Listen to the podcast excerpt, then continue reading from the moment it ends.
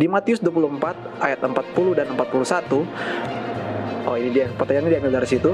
Pertanyaannya, kalau ada dua orang percaya di ladang, apakah hanya seorang yang dibawa?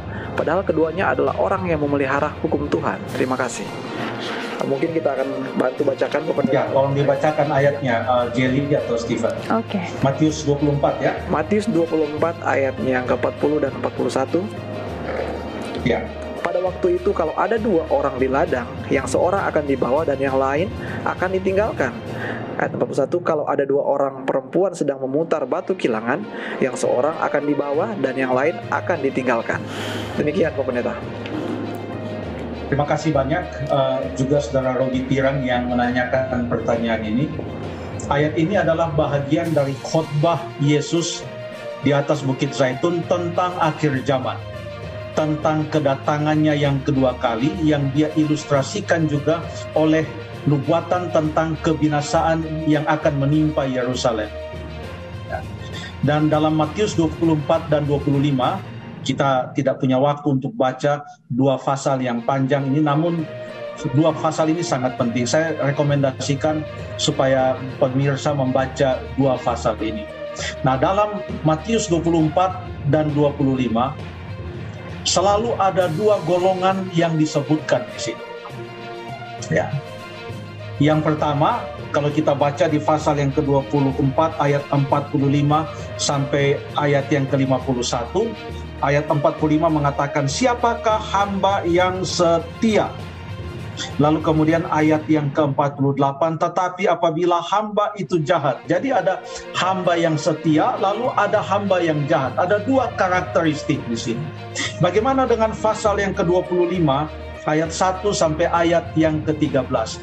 Di sini juga menyebutkan tentang dua kelompok, yaitu gadis yang bodoh, lalu kemudian gadis yang bijaksana yang menggambarkan dua kelompok manusia, khususnya di dalam menantikan kedatangan Tuhan Yesus yang kedua kali. Jadi sangat konsisten. Lalu bagaimana di Matius pasal yang ke-25 ayat yang ke-14 mulai sampai ayat yang ke-30.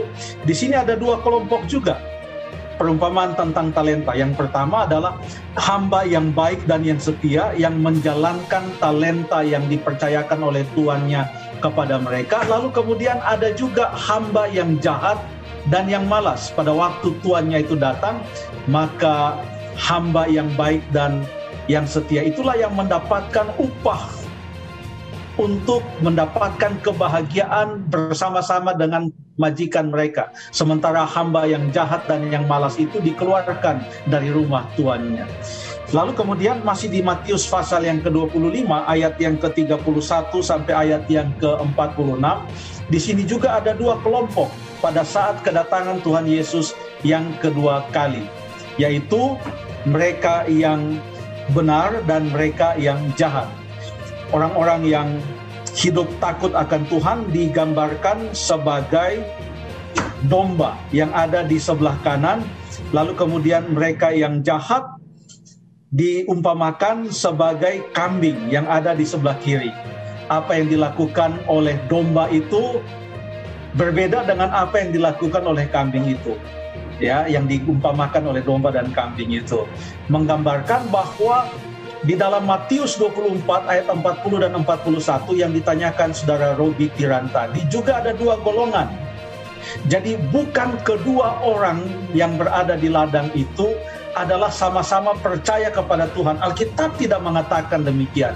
Alkitab hanya mengatakan bahwa ada dua orang bersama-sama bekerja di ladang, tetapi yang satu akan dibawa dan yang lain akan uh, ditinggalkan. Intinya adalah pada saat kedatangan Tuhan Yesus yang kedua kali nanti akan ada perpisahan antara kedua golongan antara mereka yang percaya kepada Tuhan dengan mereka yang tidak percaya, mereka yang bersedia dengan mereka yang tidak bersedia, mereka yang setia dengan mereka yang tidak setia. Akan ada dua golongan yang akan diangkat masuk ke dalam kerajaan sorga dan yang akan binasa. Sangat konsisten. Sebenarnya selain Matius, Injil Lukas juga uh, menceritakan atau menggambarkan tentang hal ini Mari kita buka di dalam Lukas pasal yang ke-17 untuk melihat gambaran dari Injil Lukas tentang peristiwa pada saat kedatangan Tuhan Yesus yang kedua kali. Lukas pasal yang ke-17 kita akan baca ayat yang ke-34 sampai ayat yang ke-36. Aku berkata kepadamu, pada malam itu ada dua orang di atas satu tempat tidur, yang seorang akan dibawa dan yang lain ditinggalkan. Ada dua orang perempuan bersama-sama mengilang, yang seorang akan dibawa dan yang lain akan ditinggalkan. Ayat yang ke-36. Kalau ada dua orang di ladang, yang seorang akan dibawa dan yang lain akan ditinggalkan. Apa yang dikatakan oleh Alkitab dalam pasal ini? dua orang di atas satu tempat tidur katanya dalam ayat yang ke-34. Menggambarkan apa ini? Perhatikan dalam ayat yang ke-32 suatu ayat yang cukup singkat yang mengatakan ingatlah akan istri Lot. Ya. Apa yang terjadi dengan istri Lot? Ada perpisahan antara Lot dan istrinya pada saat Sodom dibinasakan karena istri Lot menoleh ke belakang lalu kemudian menjadi tiang garam.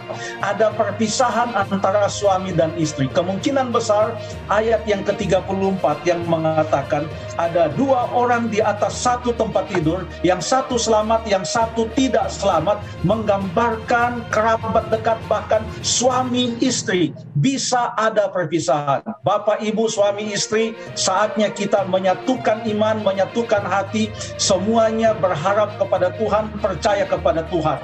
Jangan berbeda-beda iman kita. Ini penting sekali. Kemudian di dalam ayat yang ke-35 ada dua orang perempuan sama-sama mengilang atau sedang menggiling ya. Ini artinya mereka sangat dekat, mereka saling kenal, mereka adalah sahabat tapi mereka bekerja bersama-sama, mungkin bukan keluarga, dan ini adalah menggambarkan orang-orang dekat, sahabat-sahabat dekat. Sahabat-sahabat dekat pun bisa terpisah. Sekarang boleh jadi bersama-sama ya ikut acara-acara bersama kemudian uh, buat uh, telepon call pakai zoom kemudian uh, kita kirim uh, message dan lain sebagainya karena adalah sahabat yang dekat. Tetapi kalau dua-duanya tidak percaya kepada Tuhan, tidak semuanya uh, setia kepada Tuhan, hanya satu yang setia, maka akan terjadi perpisahan. Lalu kemudian ayat yang ke-36, ada dua orang di ladang. Ladang itu luas, satu bekerja di satu sudut, yang lain bekerja di sudut yang lain. Mungkin mereka tidak saling mengenal, tetapi mereka sama-sama bekerja. Mungkin ini adalah kolega yang cukup jauh hubungannya, tetapi sekalipun itu bisa terjadi perpisahan. Jadi pertanyaan saudara Robi Tiran, Matius 24 ayat 40 dan 41 bukan menggambarkan dua-duanya orang percaya. Satu selamat, satu tidak selamat. Yang perlu kita uh, uh, renungkan sekarang adalah bagaimana dengan kita dalam keluarga, suami istri, orang tua dan anak-anak, sahabat, kerabat, dan lain sebagainya. Mari kita semua mendalami firman Tuhan, mencari kebenaran, dan kalau kita temukan itu kebenaran, jangan kita tolak, kita terima. Karena itu semua adalah persiapan kita dalam menantikan kedatangan Tuhan Yesus yang kedua kali. Terima kasih banyak.